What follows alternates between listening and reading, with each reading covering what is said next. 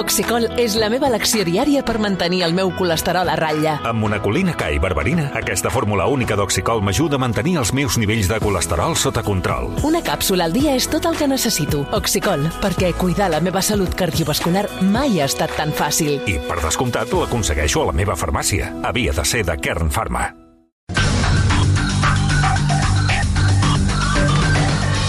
Un minut i arribarem a tres quarts de cinc de la tarda. Obrim pàgina internacional i ho fem amb aquest quart dia consecutiu de bombardejos aeris israelians sobre la franja de Gaza. Per la seva part, les milícies de Hamas i Jihad Islàmica també han llançat centenars de coets sobre els ciutadans israelians. Es tracta, segons diuen, de la pitjor onada de violència en un conflicte que ja dura més de 70 anys. Però en fi, preguntes que ens fem. Per què han ressorgit precisament ara aquests enfrontaments? Què hi ha al darrere d'aquesta escalada de violència? Ara mateix sembla que... Eh, sense aturador. Doncs d'aquestes i altres qüestions en parlem als propers minuts i ho fem amb el Sale Mergui, que és corresponsal de RAC1 a Jerusalem. Sale Mergui, bona tarda. Hola, bona tarda, Toni.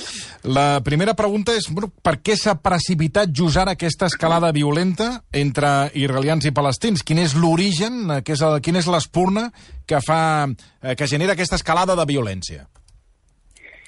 Bueno, són molts factors. Des de fa, evidentment, hem de conèixer la història de la franja de Gaza a Israel.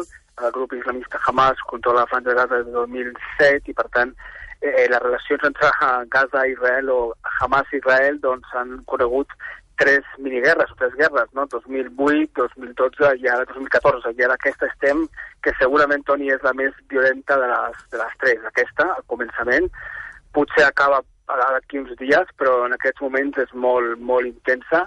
I més enllà, evidentment, de, del tema de la franja de Israel, el grup islamista Hamas, en aquest cop, aquest cop, evidentment, si, si anem al, al tema puntual, és evident que l'escalada va començar el, el dilluns a les 6 de la tarda, quan Hamas va complir el seu ultimàtum i va llançar, va atacar, va llançar el llançament de coets contra Jerusalem.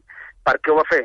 I aquí entrem al segon factor important, que és Jerusalem. Evidentment, des de fa, calculo que quatre setmanes, un mes, bàsicament l'inici de Ramadà, eh, la tensió va anar en augment a Jerusalem. Hem de recordar que Jerusalem és una ciutat que, encara que Israel la va anexionar al 80, des de prendre el control a la guerra del 67, és una ciutat en disputa, no? Llavors, els llocs sants de Jerusalem, que són, diríem, a l'estat B, estan sota control israelià des d'aquella guerra. I al Ramadà, evidentment, eh, el que va passar és que la policia, a, a una mesura realment una mica estúpida o, o, o no pensava en seqüències, va posar unes, eh, una mena de, diríem, d'obstacles metàl·lics eh, davant de la porta de Damasc i això va provocar també molts dels ànims i va provocar moltes protestes de joves palestins.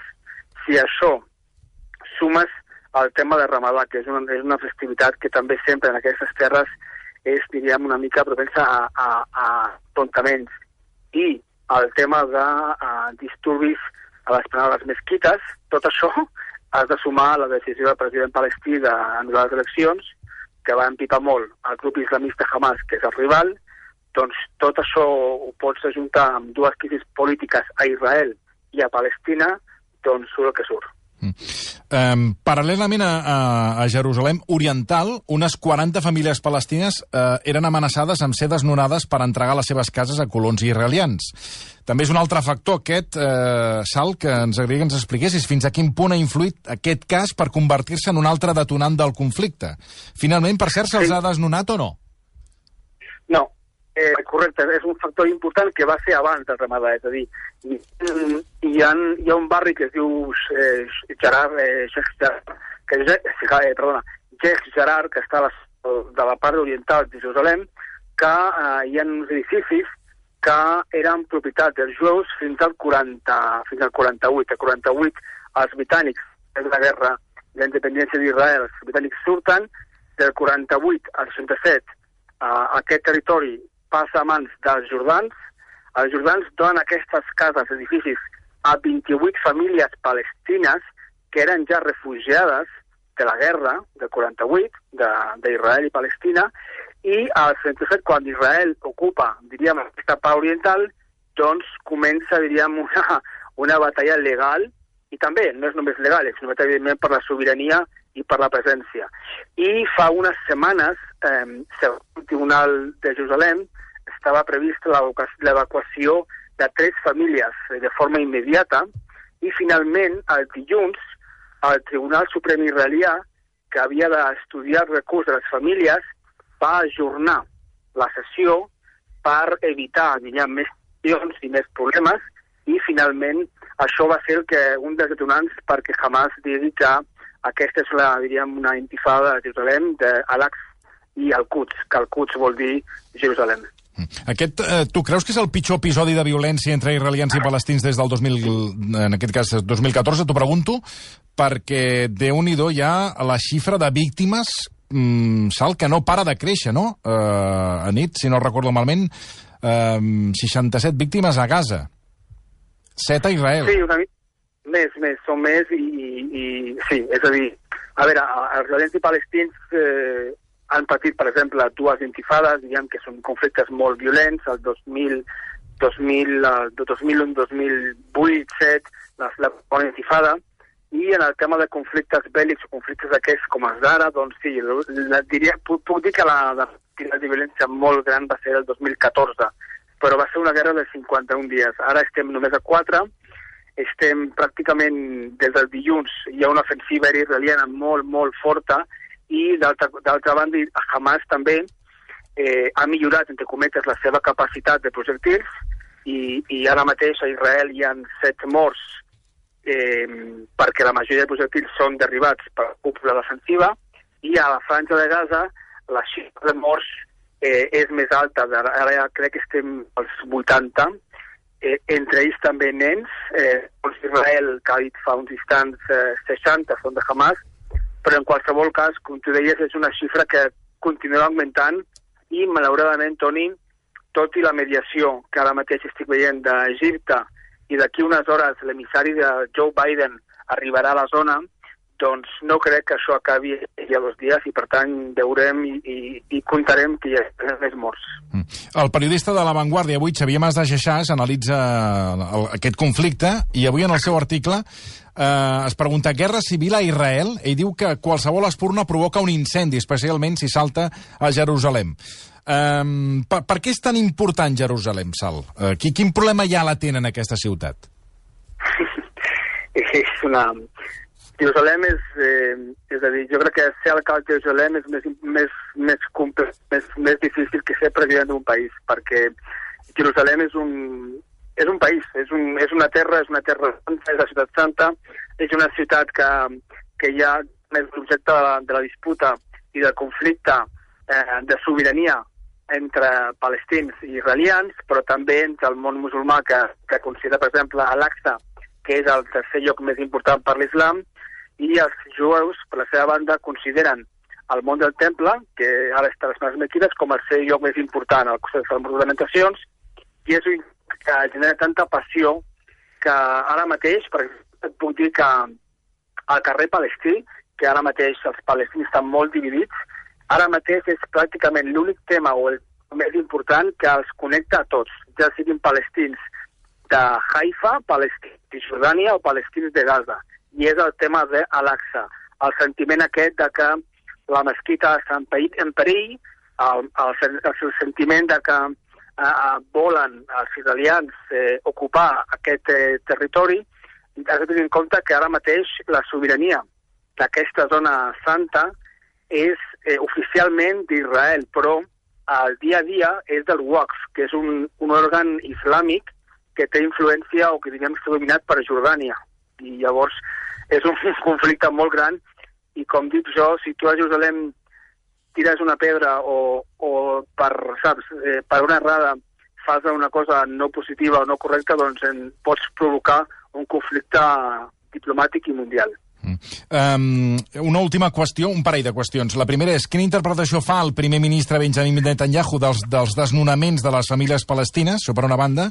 Quin paper té ara mateix ben, Benjamin Netanyahu? I després el paper de l'autoritat palestina, no? Que va ajornar les eleccions legislatives que s'havien de celebrar el proper 22 de maig, eren els primers comicis convocats, convocats en 15 anys, i diu Xavier Mas de Xaixàs en l'article que a Hamas també li convé la violència. Per tant, quina lectura en fas tu del, dels, do, dels dos governs, no? tant del govern palestí com del govern israelià? Bueno, en primer lloc, Toni, espero que no sigui molt rotllo que estic contant, perquè em sento una mica eh, una mica avorriment de la meva part, però bueno, espero no, que però, no. Però perdona, que, Sal, és que saps què passa? Que eh, quants anys portem parlant d'aquest conflicte i, Sí, i sí, quan, sí, sí, quants sí. cops s'explica realment l'arrel i l'origen del conflicte? Jo crec que, en fi, que es dona per fet coses que potser molts oients, entre els quals m'incloc, doncs no, no sabem, no? Per tant, per això t'ho pregunto. Sí, sí, no, és que jo no m'agrada no aquest paper de, el meu paper aquell com si fos un expert. No som un expert, és a dir, però bueno, a la, a la teva pregunta diria que en primer lloc el president palestí havia convocat eleccions per finals de maig, les legislatives i les presidencials per d'aquí dos mesos, per primer cop des del 2006. El 2006 va guanyar Hamas, el grup islamista. Llavors, Abu Mazen, que és el president palestí i el líder del Fatah, va dir que ell no faria eleccions si Israel no li eh, permetia eh, fer la votació també a Jerusalem Oriental, que no només Gaza, sinó, eh, sinó també la part oriental de Jerusalem. I aquí tornem un altre cop al tema de Jerusalem. Eh, el que passa és que Hamas i també molts analistes palestins diuen que això, que pot ser veritat o no, és un pretext perquè segons tots els sondejos, Hamas eh, guanyaria les eleccions, eh, segons les, les enquestes. Sí. Llavors, eh, el mateix dia que Abu Mazen va entrar les eleccions, hi havia eh, moltes, diríem, previsions de que això provocaria una reacció violenta de Hamas. Eh, és veritat que, que tu dius que si Hamas és possible que li interessi la violència. És evident que ara mateix amb aquesta escalada Hamas ha assolit el paper del lideratge de Palestí i jo també musulmà al el que diu com la, la defensa de Jerusalem. Perquè si et fixes, el president palestí Abu Mazen, que es troba a Cisjordània, a Ramallah, no té cap influència en aquest conflicte. Cap ni una. És tot Hamas, egip- egipcis o també Estats Units han de parlar amb Hamas perquè hi hagi una treva, no amb Abu Mazen. I això és també part d'aquesta divisió que hi, ha, que hi ha interna entre palestins. I el tema de Netanyahu, Sí? és una pre- pregunta molt interessant perquè, com saps, Israel viu des de fa dos anys una crisi política sense precedents, sense precedents quatre eleccions, Sí. ara mateix hi ha un govern en funcions, eh, un govern alternatiu és molt possible abans d'aquesta escalada. És molt curiós que aquesta, diríem que Netanyahu, tot i aquest, té un discurs retòric molt dur, però a la pràctica, a Israel, eh, és acusat per molts de que Netanyahu fa una mena d'aliança indirecta amb Hamas. És a dir, és a dir el 2008, abans de les eleccions que Netanyahu va, va assolir el poder, el 2009, va dir que com a promesa electoral acabar amb el règim de Hamas a la franja de Gaza. Evidentment no ho ha fet i a, a, aquí diuen que a Netanyahu li, li convé més que Hamas estigui a Gaza i Abu Mazen separat i d'aquesta forma no ha de tenir cap mena de compromís per fer converses de pau amb el president Abu Mazen, que evidentment són converses que obliguen, per exemple, a l'evacuació de colònies a Cisjordània.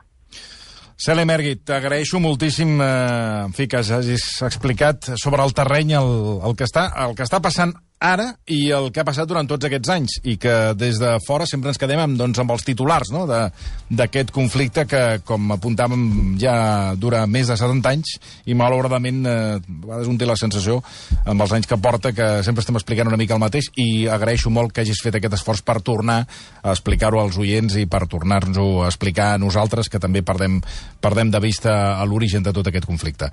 Eh, doncs malauradament, tal com apuntaves, en continuarem parlant perquè, com tu dius, això no, no s'acabarà d'un dia per un altre i n'haurem de, de seguir parlant. Salem Ergui, moltíssimes gràcies. Molt bé, bona tarda. Gràcies, és el corresponsal de rac a Jerusalem. Doncs el que fem ara és eh, una pausa, seran dos minuts, i després, avui, eh, en fi, per mi és un plaer que ens acompanyi a l'estudi de rac eh, Imanol Àries. Ho farem després del butlletí horari de les 5. Fins ara. Versió RAC 1 amb Toni Clapés.